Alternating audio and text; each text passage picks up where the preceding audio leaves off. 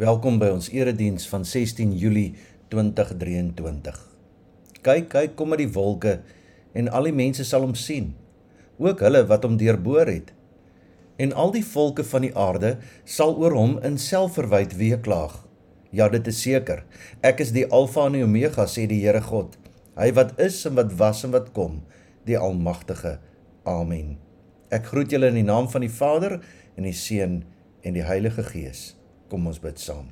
Here, dankie dat ons weer die voorreg het om in die woord te mag bestudeer, dit oopmaak te lees en dat ons weet dat die Heilige Gees deur u woord ons harte aanraak en ons daardeur verander. Help ons dat ons meer sal word soos wat u ons bedoel het om te wees. Dat ons ons eie prioriteite eenkant kan skuif en u prioriteite sal soek. U wil en nie ons wil nie. Amen. Ons lees saam uit Jeremia 8 van vers 4 af. Jy moet vir hulle sê, so sê die Here, sal iemand val en nie opstaan nie of wegdraai en nie terugdraai nie? Waarom draai hierdie volk weg van my af en waarom hou Jerusalem aan om van my af weg te draai? Hulle hou vol met hulle bedrog. Hulle weier om na my toe terug te draai. Ek het goed geluister en ek het gehoor dat hulle nie die waarheid praat nie. Niemand het berou oor sy sonde nie. Niemand sê, "Wat het ek tog gedoen nie?" Elkeen breek met vaart van my af weg, soos 'n perd uit 'n geveg wegstorm. Van vers 11 af. Hulle het 'n goedkoop raad vir die wonde van my volk. Hulle sê net alles is reg, alles is reg, maar niks is reg nie.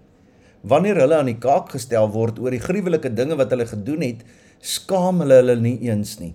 Hulle weet nie van skaamte nie. Daarom sal hulle tot 'n val kom soos al die ander voor hulle. Wanneer hulle rekenskap moet gee sal hulle omkom sê die Here. Wanneer ek die oes by hulle kom insamel sê die Here is daar geen druiwe aan die wingerdstok en geen vye aan die vyeboom nie. Selfs die blare is verdroog. Daarom sal ek my volk oorgee om vernietig te word. Waarom bly ons sit roep almal bymekaar Laat ons in die vestingstede ingaan en daar gaan omkom, want die Here ons God laat ons omkom. Hy gee ons gewater om te drink, want ons het teen hom gesondig. Ons wag dat alles moet regkom, maar dit gaan nie goed nie. Ons wag op 'n tyd van verbetering, maar daar is net rede tot skrik. Van dan af hoor 'n mens die gesnuif van die vyande se perde, die gerinnik van sy perde laat die hele land bewe. Die vyand kom en verteer die land en alles daarbinne, elke stad met sy inwoners. Ek stuur giftige slange onder julle in om julle te pik, sê die Here, adders wat niemand kan besweer nie. My smart oorweldig my, ek is hewig ontsteld. Hoor hoe benoud roep my volk uit 'n ver land. Is die Here nie meer in Sion nie? Is Sion se koning nie meer in hom nie? Waarom tart hulle my met hulle afgodsbeelde, met hulle vreemde niks werd gode? Die oes is af, die somer is verby en ons is nog nie gered nie. My volk se wonde is ook my wonde. Ek is in rou, deur angs oorweldig. Is daar nie balsem in Gilead nie? Is daar nie 'n dokter nie? Waarom het my volk nie gesond geword nie? Ag, was my kop maar vol water en my oë 'n fontein met trane dan sou ek dag en nag huil oor my volksgenote wat gesneuwel het. Tot sover. Ek lees weer vers 13. Daar is geen druiwe aan die wingerdstok en geen vye aan die vyeboom nie, selfs die blare het verdroog. In vers 11 en 12 sê: Hulle het 'n goedkoop raad vir die wonde van my volk. Hulle sê net alles is reg, alles is reg. Maar niks is reg nie. Wanneer hulle aan die kaak gestel word oor die gruwelike dinge wat hulle gedoen het, skaam hulle hulle nie eens nie.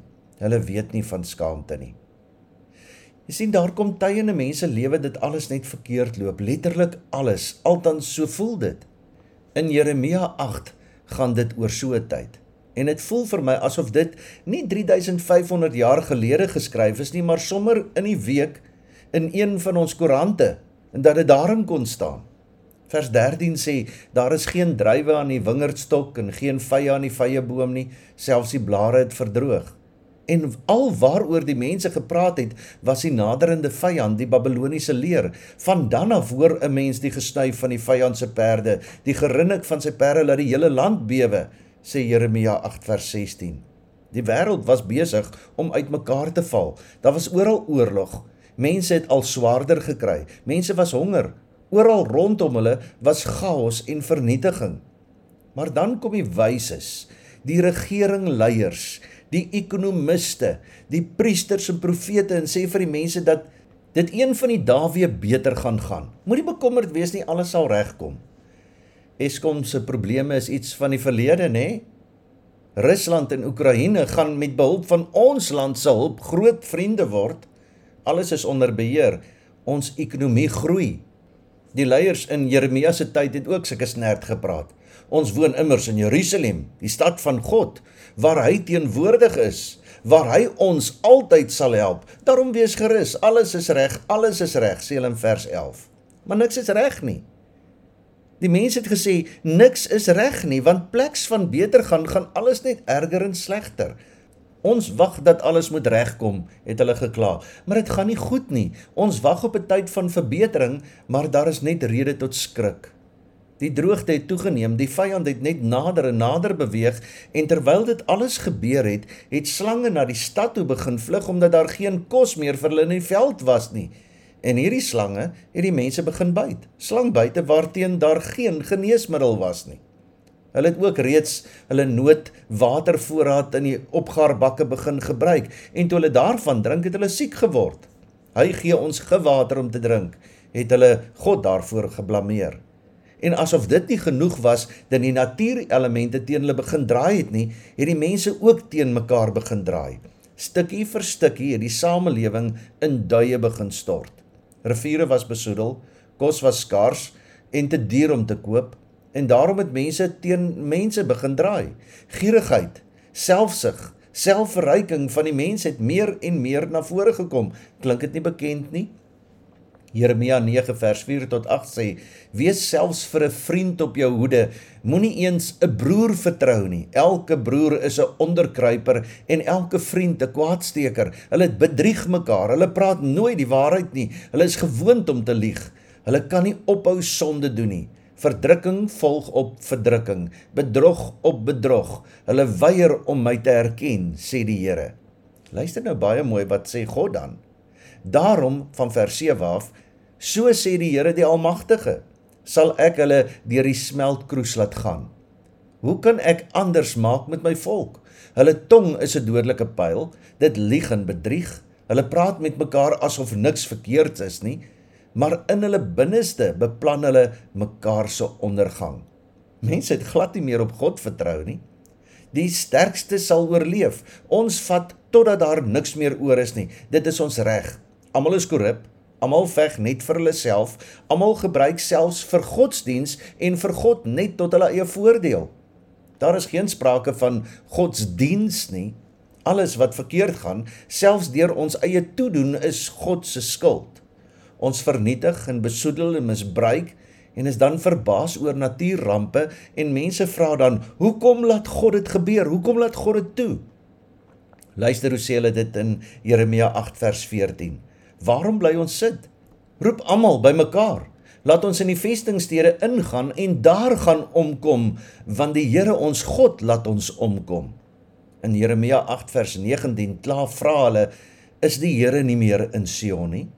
Is Sion se koning nie meer in hom nie? Waar is God? Hoekom laat God hierdie goed toe? en so kla en vra hulle want al wat hulle rondom hulle sien is net vra en vraagtekens in Jeremia 8 is daar 14 vraagsinne. Maar die verrassende is egter dat van die 14 vrae net 3 van die mense afkom. Dan kom 11 van God se kant af. Met ander woorde as die mense gedink het dat hulle verslaaf was oor wat aan die gang was soveel te meer God. En veral was God oor een saak die meeste versla dat die sogenaamde wyses onder die mense die leiers ten spyte van al die teenspoed nog bly glo dat alles maar net weer sal regkom. Ons het wysheid te hulle gespog in Jeremia 8 vers 8 en hulle het maar net voortgegaan om aan almal te verduidelik dat alles sal regkom. Klink dit bekend? Wat ek nie kan verstaan nie, sê God nou vir Jeremia in verband met hierdie geleerdes, is hoe hulle vir die mense kan sê alles is reg, alles is reg terwyl niks reg is nie. Hulle sien tog wat aangaan. Hulle sien mos dat die orde van die hele skepping en die samelewing versteur is. Daar's droogte, vloede, natuurrampe, bedrog, onderkruipery, valsheid, oorlog, siekte. 'n Mens sou dink sê God dat hulle seker almoes begin wonder het of hulle insig en kennis van hierdie wêreld heeltemal reg was.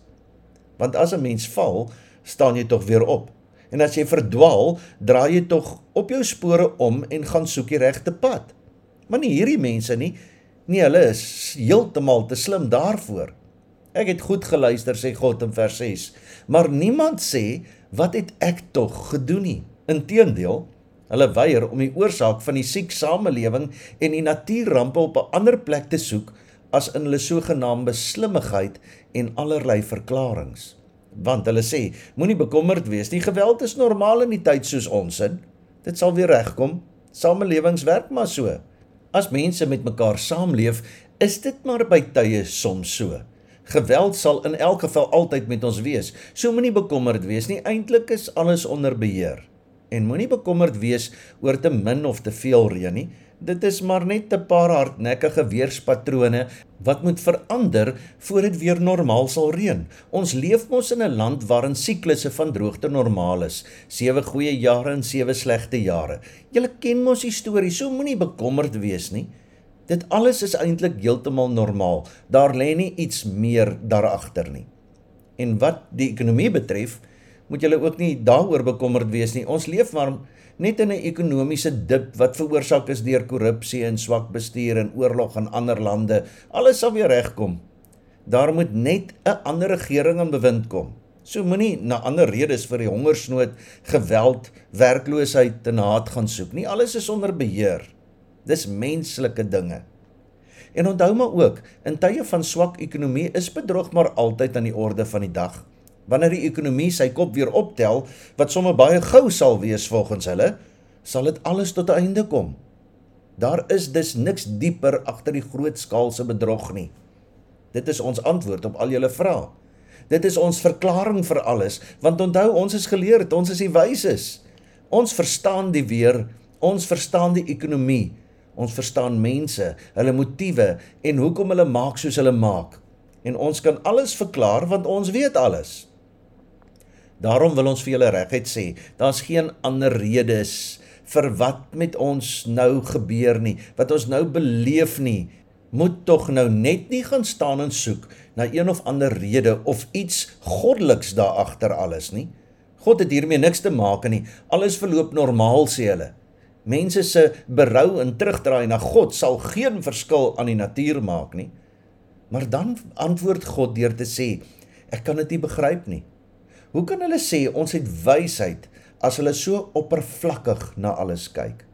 Hoe kan hulle weier om na ander antwoorde te begin soek as alles rondom hulle in mekaar tuimel, as hulle antwoorde heeltemal verkeerd is?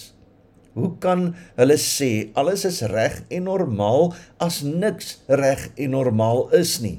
En die ergste is, sê God, dat terwyl hulle in hulle slimmigheid alles verklaar, is dit die gewone mense wat swaar kry. En dan sê hulle alles is reg. Hoe kan dit wees dat hulle nog nie op die gedagte gekom het dat hulle dalk iets miskyk nie? Moet hulle nie dalk ophou met al hulle teorieë oor die droogte, die ekonomie en wat ook al nie? Moet hulle nie miskien so bietjie dieper begin kyk nie? Moet hulle nie dalk begin vra na God in die ekonomie nie? Moet hulle nie dalk begin vra na God in die natuurrampe nie? Moet hulle nie dalk begin vra na God in die hoëdrukstelsel nie? Moet hulle nie dalk begin vra na God in die hongersnood en armoede nie? En nog meer sê God, miskien moet hulle begin vra, het ek nie miskien skuld aan alles wat so verkeerd loop nie? Maar niemand sê dit nie, sê God. Nie die geleerdes nie, nie die priesters nie, nie die profete nie, nie eers die gewone mense nie. Nee, dis niemand se skuld nie, maar ons lewe sonder God. Die kerk is leeg en die mense se lewens sê eintlik ons glo nie meer in God nie. Eintlik wil ons nie meer maak soos wat God aan ons voorskryf nie, dis oudtyds. Eintlik maak ons soos ons wil. Ons wil nie meer weet wat reg en wat verkeerd is nie. Ons besluit self oor daai goed. Ek besluit self oor my geld en my goederes. Ek besluit wanneer ek en hoeveel die kerk nodig het. Eintlik is alles nie reg nie, nie normaal nie. Maar sê God, niemand sê dit nie.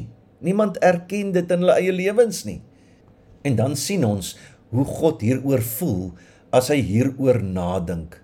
My smart oorweldig my. Ek is hewig ontsteld. Hoor hoe benoud roep my volk. My volk se wonde is my wonde.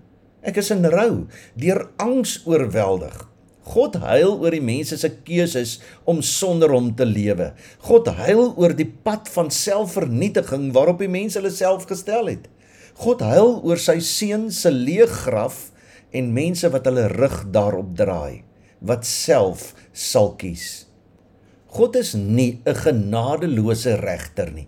Daarom kan God nie aanskou hoe sy mense swaar kry oor wat hulle aan hulle self gedoen het nie. Daarom sien ons in Jeremia 9 vers 1 dat God in trane uitbars. Ag was my kop maar vol water en my oë 'n fontein van trane. Dan sou ek dag en nag huil oor my volk wat gesneuwel het. Hiermee beantwoord God die mense se drie vrae oor of hy dan weg is. Nee sê God, ek's nie weg nie, ek rou, ek huil oor onberouvolle mense. Ek het seer omdat julle maak soos julle maak. Hoe kan julle sê julle het wysheid want al julle sogenaamde kennis het net een resultaat tot gevolg gehad. Julle glo nie meer nie. Julle doen wat julle wil. En as dit die resultaat van sogenaamde kennis is, dan het dit geen waarde meer nie. Iemand het eenmaal geskryf: God hoor nie meer nie. God het die telefoon van die mikkie afgehaal en die tyd is besig om vinnig, baie vinnig uit te loop dat die tyd besig is om vinnig uit te loop vir die wêreld is baie duidelik. Ons sien, lees en hoor hoe dit in elke nuusberig en elke koerant geskryf word en op die nuus vertel word. Maar dat God die telefoon van die mikkie afgehaal het is nie waar nie. Jeremia 8 sê God druk die telefoon styf teen sy oor terwyl hy huil, terwyl hy sê as jy wat aan die ander kant is, tog maar net wou reageer. Help my God, help my om my brouwerk van gister en eergister reg te maak, sodat ek weer kan lewe, kan beweeg, kan wees wat U my bedoel het om te wees, dat daar vrede sal kom en vrede sal wees in hierdie siek samelewing.